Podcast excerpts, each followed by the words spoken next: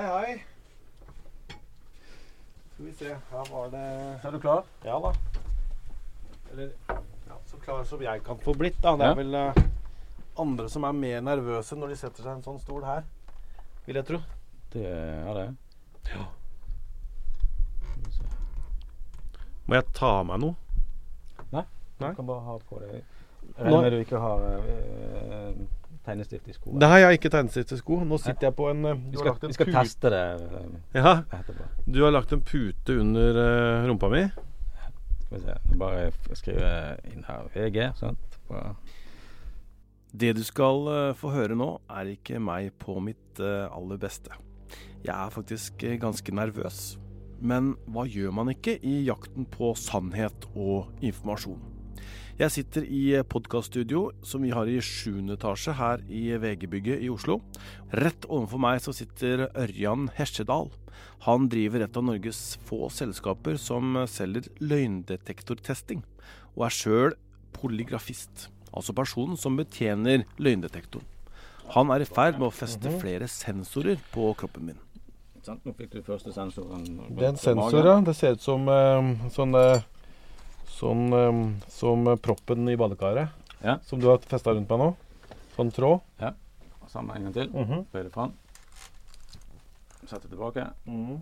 Opp med armene. Ut til siden. og Så ned. Ja, det var det trangt. Over Bare ta ned. Bare ta ned. Så får du sensor rundt brystkassen. sant? -hmm. Og så fester vi en blodtrykksmansjett på Jeg tror vi tar den eh, her rundt leggen din. Rundt leggen. Det skal handle om løgndetektorer. Hvordan fungerer det, og hva kan det brukes til? Og hvorfor brukes det ikke i Norge? Jeg heter Tor Erling Tømt Ruud, og dette er Krimpodden i VG.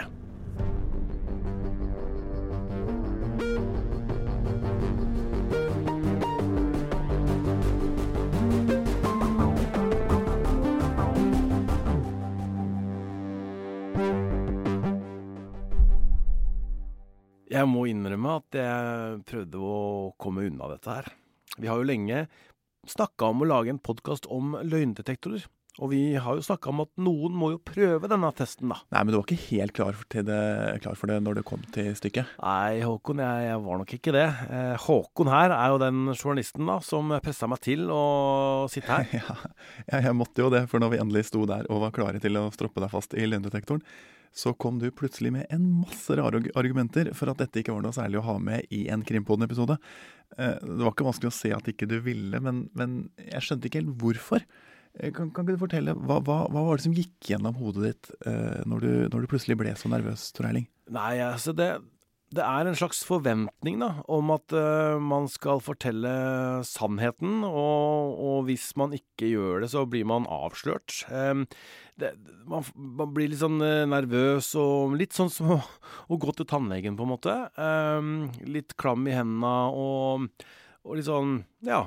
Nå, nå er det noen som ser inn i meg, liksom. Hva, hva er det jeg føler, og hva er det jeg tenker? Uh, det er litt som litt sånn. Det er jo interessant at du sto og følte alt dette. For da, da følte du jo litt av det samme som de som blir testa på ordentlig i løgndetektor. Og Ørjan Hesjedal han skal jo fortelle litt senere om at denne frykten her, som man kjenner før man stroppes fast i selve løgndetektoren, den har noen ganske interessante konsekvenser. Men, men før det, kan vi ikke høre litt mer om hvordan det gikk da, da han festa deg til løgndetektoren? Og så skal jeg bruke de to fingrene her. Jeg bare holder ned sånn. Bare legg, legg hånden ned sånn. Så skal jeg bruke de to fingrene. Ja. Men bare hold begge, alle fingrene fram. Nå får jeg noen sånne tupper på fingrene mine. Ja. Gullbelagte tupper. Disse eh, sensorene de måler variasjon i svette. Ja. Og det er jo sånn eh, I nervesystemet vårt sånn, så har vi noen deler som vi kan styre med viljen. Sånn, du kan bevege armene dine, du snur på hodet, og du kan blunke osv. Men du kan ikke justere eh, om du skal svette mer eller mindre. Du kan ikke si til deg selv at nå skal jeg svette eh, øke svetteprosenten min med 5% eller Mm. minus 7% eller. Og sammen med blodtrykk. Du kan ikke si til deg sjøl at nå skal blod, akkurat nå skal blodtrykket gå opp noen Nei. prosent og ned igjen. sant? Selv om jeg bruker sånne pusteøvelser og sånne ting? Ja, så eh, Hvis du er Wim Hof eller et eller annet sånt, sant? Ja. som driver med eh, meditasjon og sånt, så, så, så kanskje du kan klare å justere det sånn gradvis. Mm. Men du kan ikke gjøre det på et Nei. øyeblikk. Nei. Eh, og sammen med ting som skjer i åndedrettssystemet, og når det begynner å bli sånn skikkelig alvor. Sant? For, for mange så, så eh, vil du stoppe å puste, Mm. eller du begrenser åndedrettet ditt veldig når det blir skikkelig seriøst. Mm. Så det får vi se. Ja. Så nå sitter jeg her altså med sensor på mage og bryst, og jeg har to på pekefinger og ringefinger på, på høyre hånd. Eh, og jeg har en blodtrykksmåler på, på leggen som du nå pumper opp. Altså, dette her er jo en simulert test. Sant? Det, dette er ikke sånn tester foregår på eh, i virkeligheten. Sant? Men, men eh, vi, vi lager en test her nå for at du skal få følge litt på hvordan det er å sitte i en eh, test. Sant? I, en, I en riktig test så vil det gjerne ta to-to og en halv time å finne ut av ett spørsmål. Og det, det er en ganske streng prosedyre man skal gjennom for å eh, finne ut om du snakker sant eller lyver. Og, og jeg kan ikke, i en riktig test så kan vi ikke avvike um, fra den metoden. Sant? Da, da må vi følge det veldig slavisk. Um, uh, mens her i denne testen her, så um, har ikke du engang fått vite spørsmålene. I, I en riktig test ville du fått vite alle spørsmålene foran. Mm. Du, vi hadde gått igjennom de til det kjedsommelige for deg, for å være sikker på at uh, de spørsmålene som du får i testen, de, de har du forstått på samme måten som jeg har forstått det. De har ingen eh, doble meninger. De, de treffer eksakt på det som vi ønsker å få svar på osv. Men, men det får ikke du vite her. Uh, men jeg tenkte at eh, vi skulle stille deg noen litt, litt skumle spørsmål likevel. OK. Ja, vi får se. Så nå har jeg eh, en skjerm med masse sensorer som, og grafer som viser. Så jeg kan se åndedrettet ditt, f.eks., når du puster. Og så kan jeg se at det, eh, du er ikke sånn ekstremt nervøs, men du kjenner det litt. Grann. Mm. Uh, her kan du se det skjelver litt grann i, i åndedrettet ditt. OK. Ja. Da er du klar? ja. Startet du tidlig med kriminalitet? Nei. Løgn?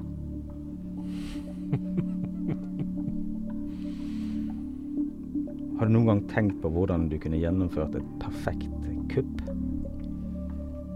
Ja. Ja, det var ganske klart.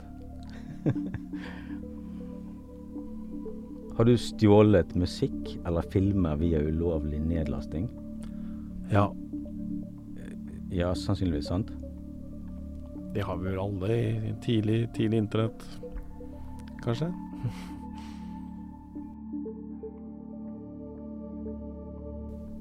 Har du støttet organisert kriminalitet ved å kjøpe kopivarer eller narkotika? Nei. Løgn.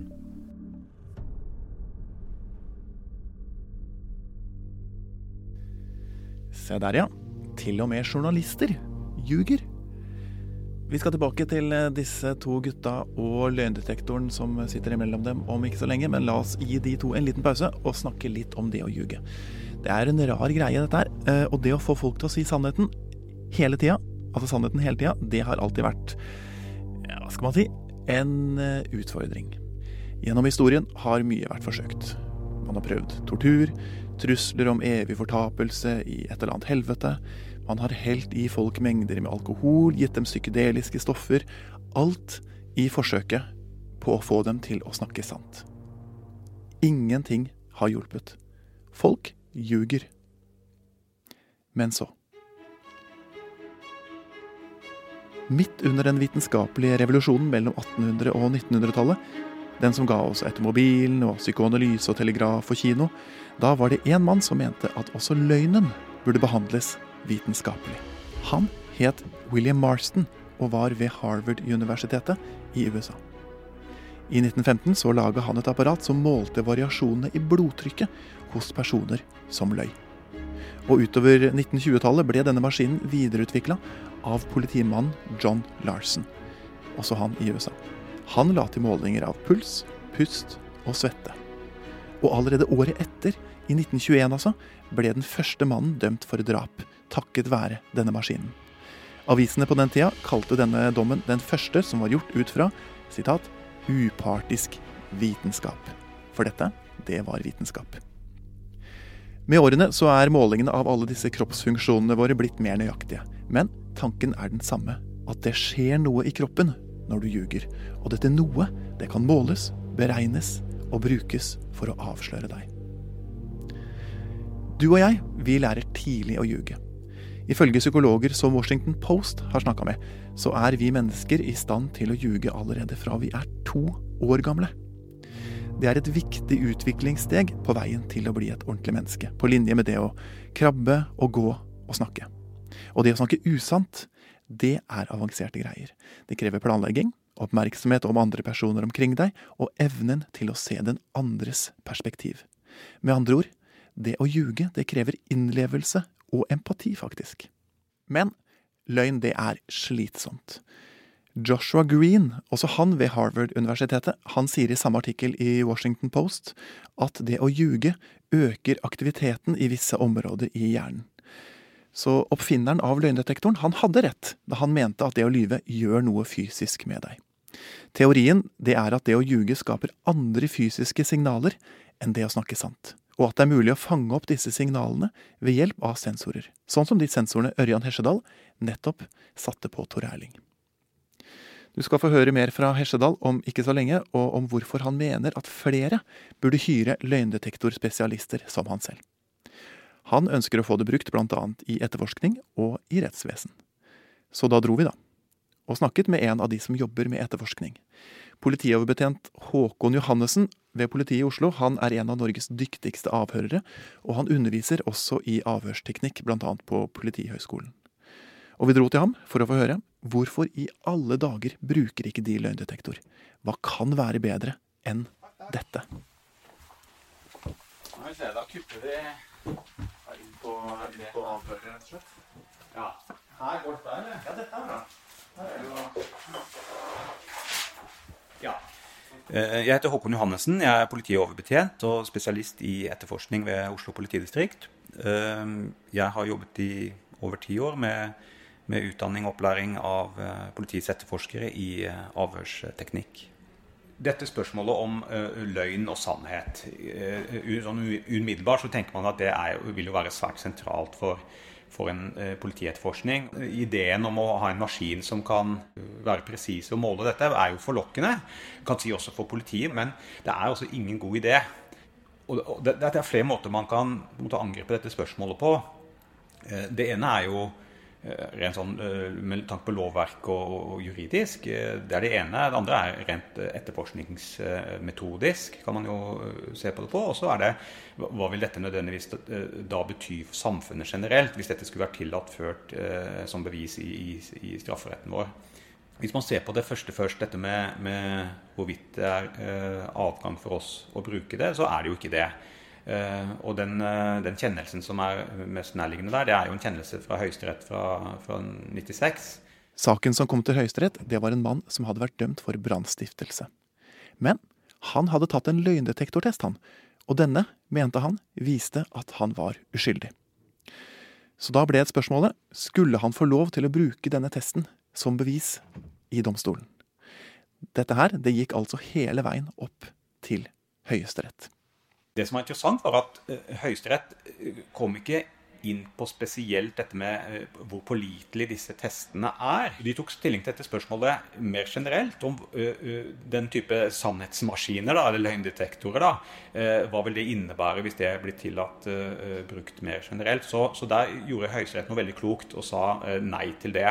Fordi, eh, Som Høyesterett også påpekte, så vil nødvendigvis en sånn test det vil være veldig integritetskrenkende, selv om den som gjennomfører da testen, samtykker til det. Fordi at det er sånn at disse apparatene er jo ment å måle ikke-viljestyrte fysiologiske prosesser i kroppen eh, som du ikke har noe kontroll over. Eh, så, eh, så, så, selv ved et, et, samtykke så er ikke det av avgjørende betydning. For det er et slags illus illusorisk samtykke, kan du si. fordi at hvis et sånt bevis blir tillatt ført, og blir godkjent som bevis i norsk rett, så hvilken vei er det utenom da for en som sier at han er uskyldig? Men, men, ikke ønsker å gjennomgå den, eh, den type testing. Du, du, altså, du, du, har ikke, du har ikke sjans, altså, du har jo ikke noe valg. Fordi at eh, Hvis du er uskyldig, hvorfor skulle du da nekte å undergå den type testing? Så, så så det spiller ikke noen rolle om du sånn sett samtykker, fordi det er bare et slags fiktivt samtykke. fordi at eh, Hvis du nekter å gjennomføre testen, så, så, så tenker man vel at det, eh, hvorfor all verden skulle du nekte det? At det er et tegn på skyld i seg selv. Og innenfor eh, etterforskning da, og, og eh, avhør også, så er det jo et prinsipp som står veldig sterkt hos oss, og dette er det mot vernet mot selvinkriminering. Eh, og, og mest sånn praktisk så innebærer det at du ikke har noen plikt til å forklare deg for politiet hvis du er mistenkt sikta i en straffesak. Og Det er et prinsipp som står veldig sterkt hos oss. Så en sånn hvis dette ble tillatt ført som bevis, så ville det vært eh, alvorlig slag mot altså selvinkrimineringsvernet. Det er for, for, integritetskrenkende, og det er et, noe helt annet enn en vanlig etterforskning av, og avhørsmetodikk. Så, så, derfor også. Du underviser i avhørsteknikk på Politihøgskolen. Hva lærer politistudentene om å avsløre løgn? Ja, For det første så lærer de at eh, de eller noen er ikke noen bedre enn noen andre til å kunne, kunne tolke eh, hvordan eh, altså Ut fra hvordan folk oppfører seg, eller kroppsspråk, og, og, om de kikker opp til høyre eller venstre. altså Man lærer i all vesentlighet at den type teorier er bare tull. Så, så det er ingenting å, å, å stole på. Så, så, det, så det er utgangspunktet. Men når dere i politiet da skal, skal, avsløre løgn, hvilke metoder er det som er bedre egnet da? Det som vi gjør i dag, eh, det er jo at vi, vi har jo en avhørsmetodikk og en etterforskningsmetodikk eh, som innebærer at eh, når en bestemt person er mistenkt siktet for et forhold, så skal vi i etterforskningen sette også opp hypoteser som støtter støtter da uskyldshypotesen. Og denne tankegangen den skal også eh, tas med seg inn i avhørsrommet. Vi er eh, forpliktet eh, til også å sette opp det som, som taler til hans fordel. Og Så forsøker man da gjennom hans forklaring i avhøret å se finnes det da noe han sier som støtter da at dette beviset ser ut sånn som det gjør. Kanskje finnes det helt naturlige forklaringer på at beviset ser ut eh, sånn som det gjør.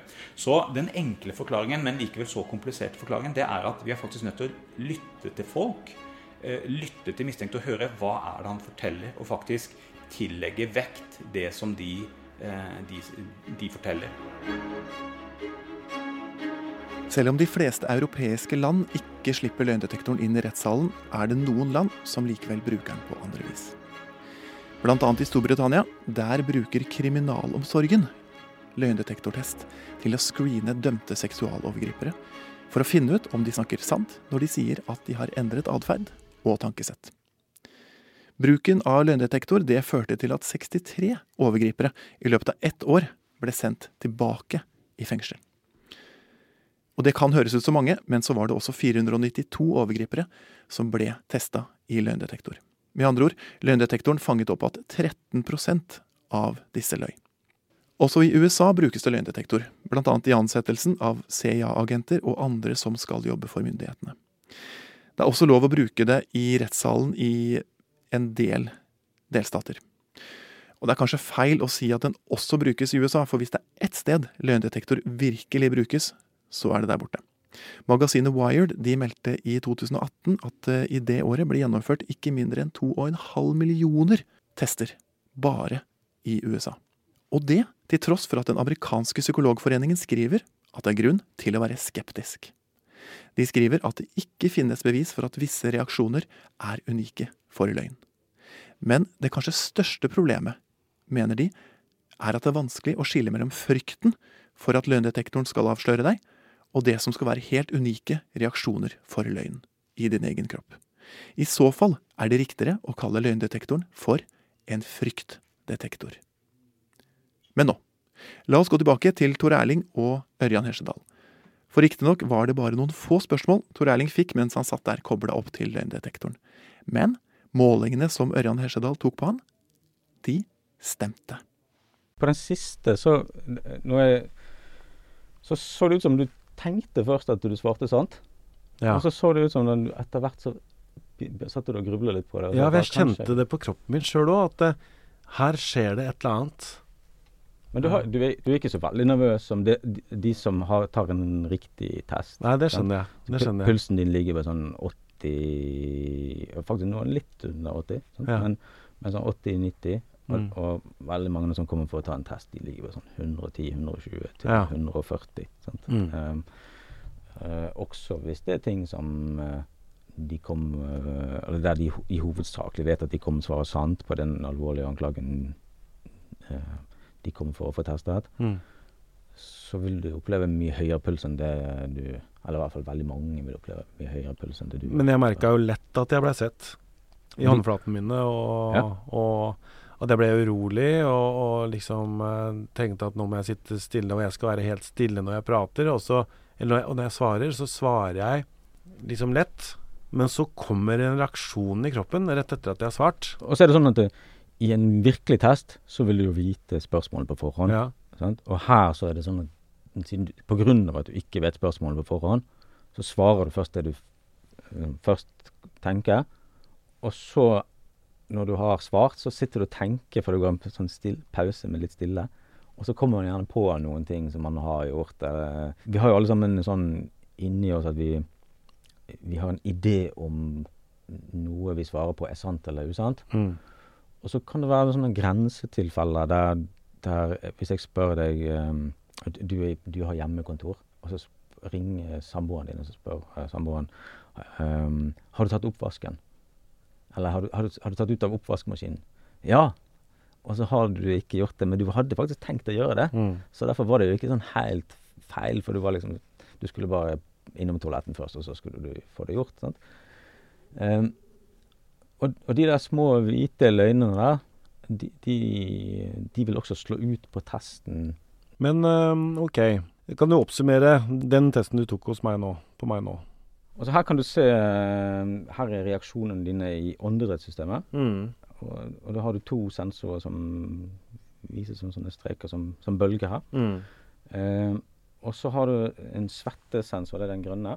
Og så har du den røde her, det er blodtrykk. Men ganske jevnt blodtrykk, da. Eh, ja, men du ser det stiger jo en del her, da. Sant? Ja. Eh, når du har svart på et spørsmål. Her stiger det, så det ser ut som du, du har en liten, en liten løgn. Mm. Når vi um, gjør sånne tester så der, så er det ofte sånn at det, i de mindre alvorlige problemstillingene som du lyver om, sant, som, um, vil det ofte være svettesensoren som trigger først. Uh, og så kommer blodtrykkssensoren for veldig mange. Og så er det åndedrettet der, der når mm. det er skikkelig alvor. Så Hva vil du si er best med disse testene? Det er en, en løgntest. Sant? Sånn at vi, vi, det vi tester, er jo om personen opplever at uh, den lyver. Altså det, altså det om underbevisen til un, Eller hva skal vi kalle det? Den, den lille jævelen baki der opplever at personen lyver. Det testen kan gjøre, det er jo å produsere treffsikre resultater på kort tid med relativt små ressurser. Med, med nye typer avhørsmetoder og sånn, så, uh, og veldig flinke avhørere, så, så, er det vel noen indikasjoner på at du kan komme til noen tilsvarende resultat. Men du vil bruke veldig mye mer tid, veldig mye flere personer. Og kostnads, altså kostnaden vil jo være ekstremt mye høyere. Hva slags um, saker tenker du uh, dette kan være nyttig til? Det ene er jo sånn ting som foregår i dagliglivet. Plutselig oppstår det en tillitskrise mellom to eller flere personer. Mm.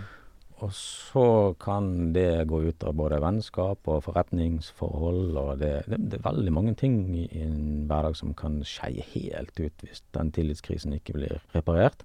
Og så har du også, kan det f.eks. brukes i offentlige virksomheter. Sant? I f.eks. etterforskning av uh, lovbrudd, eller i kriminalomsorg. Og da finnes det praksis fra det i andre land at uh, det brukes jo også i sånne sammenhenger. Mm, hvordan da?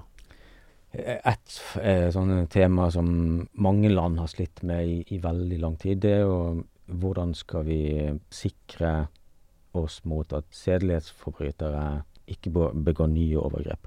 Og da um, har man i, i, USA i mange år testet disse mens de er i fengsel, for å finne ut om de eh, kan eh, prøveløslates. Og da viser disse testene at de veldig ofte har gjort mye mer eh, risikofylt atferd enn det man har funnet ut av på andre måter. Mm. Og, og det finnes det studier fra både USA og England har også begynt å bruke det nå i ganske stort omfang. Mm. Hva, hva tenker du om å bruke det i skyldspørsmål i alvorlige straffesaker?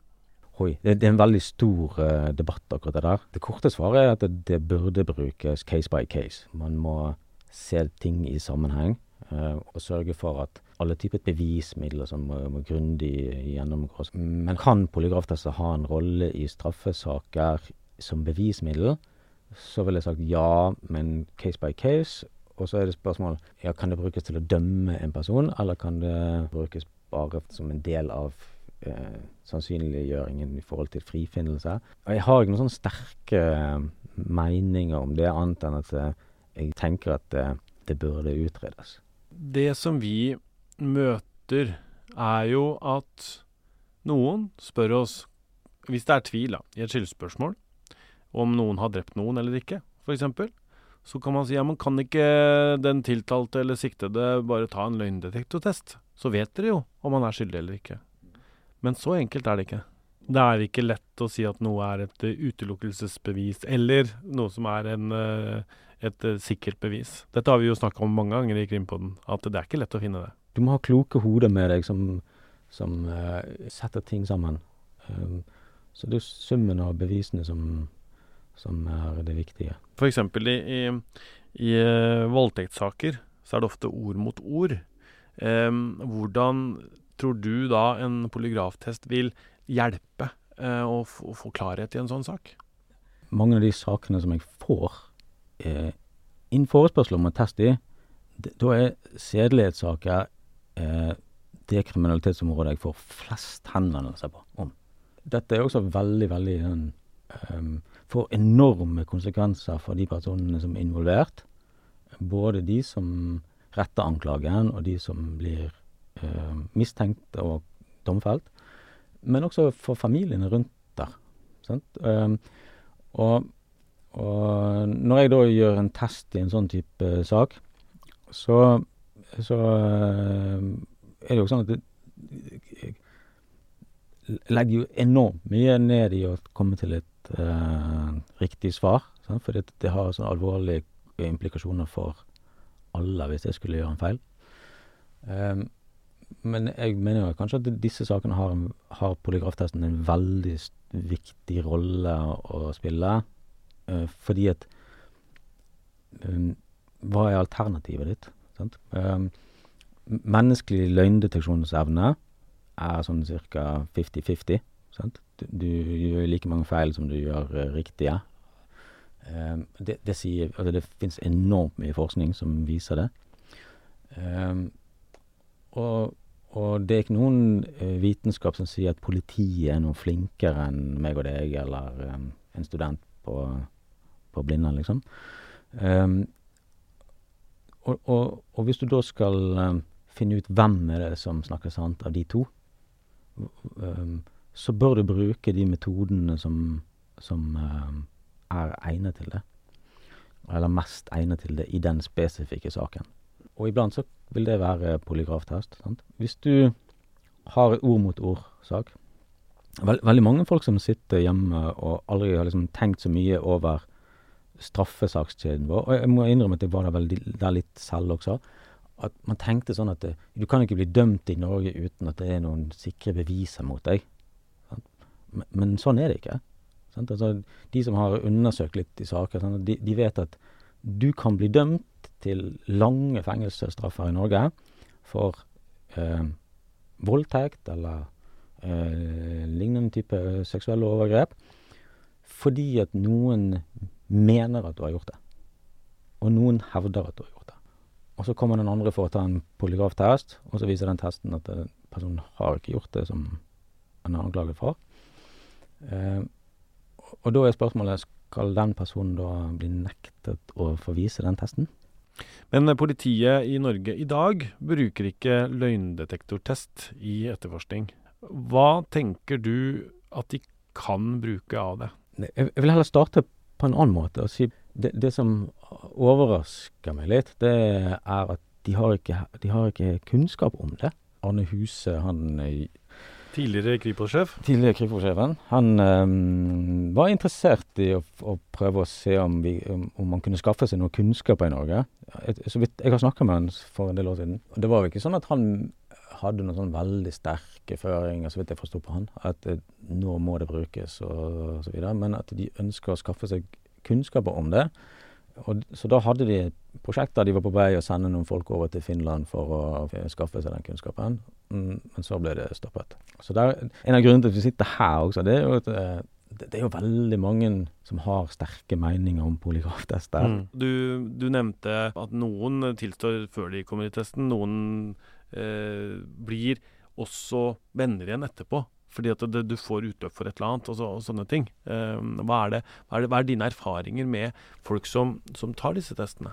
Altså, hvis man kommer for å ta en test i en sånn privat setting, så er man der pga. en tillitskrise. Og den, den, tillitskrisen kan være at eh, eh, Det kan være utroskap, men det kan være forretningsforhold, det kan være tyveri, eller mistanke om tyveri, sant? Eh, underslag Ja, masse forskjellig. Sant? Eh, om noen har sendt noen nakenbilder til noen andre eller ikke, osv. Så, videre, så eh, Og da handler det veldig ofte ikke om Altså i, i bunn og grunn så kommer de for å teste om den anklagen har skjedd eller ikke. Men den reelle grunnen til hvorfor de er der, er jo egentlig tillitskrisen. Og så har de kanskje gjort noen ting mer enn det de allerede har sagt. Men så kommer de der, og så rett før testen begynner, så sier de ja, jeg har allerede forklart at jeg har gjort det og det og det.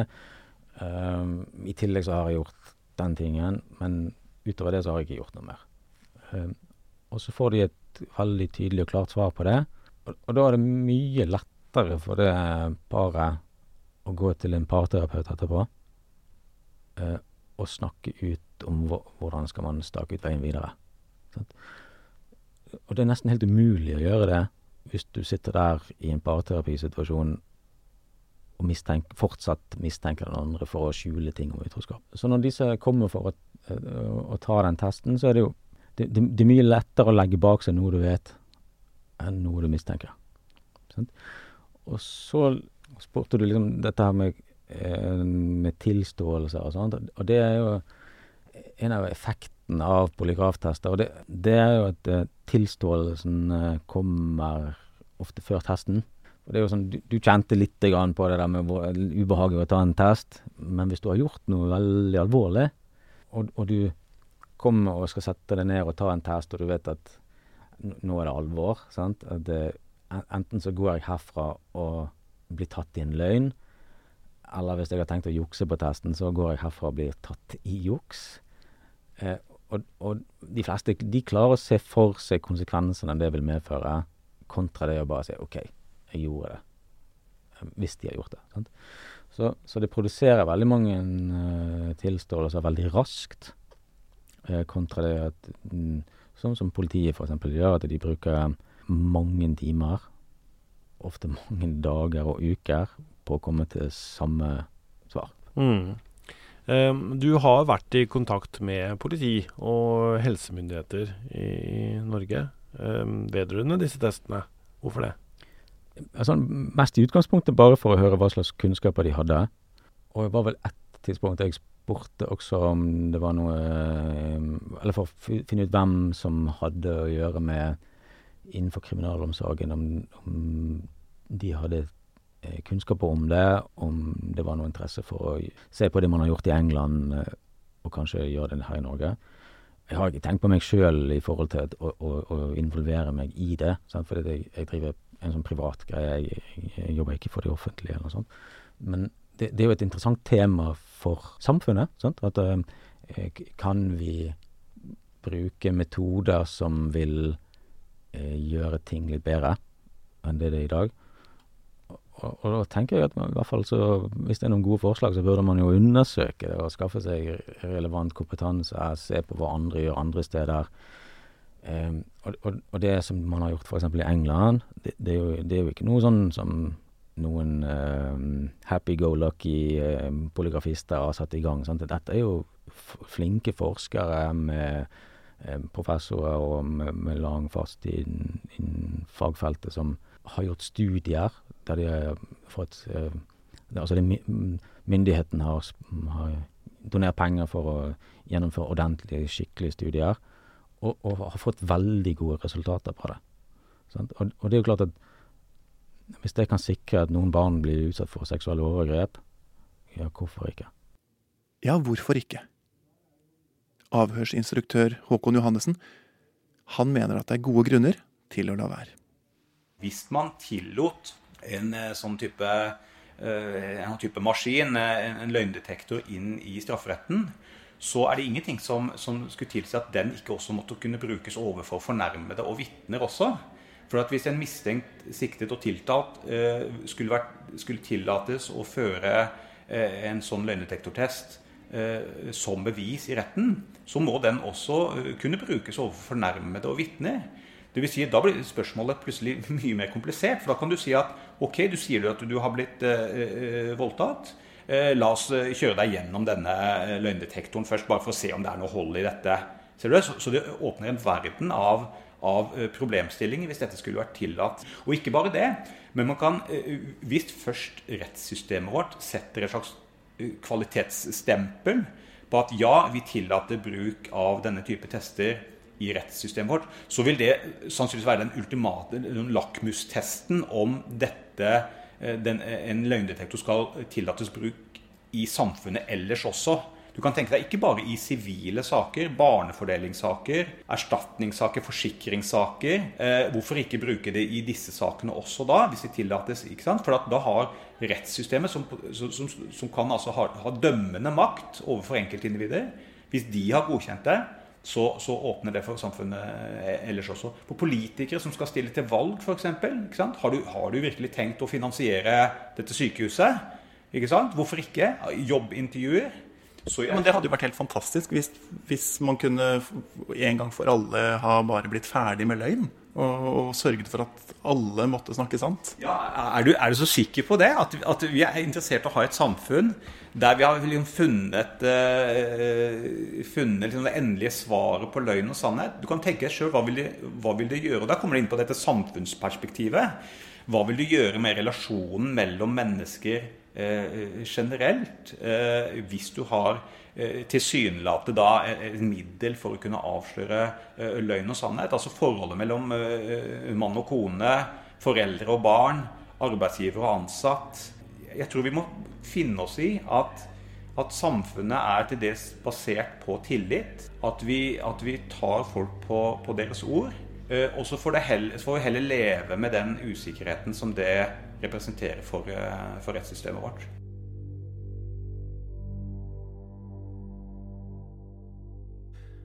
Det er Håkon Fostervoll Høydal som har laga denne episoden. Produsent for Krimpodden er Vilde Våren, og jeg heter Tor Erling Tømterud.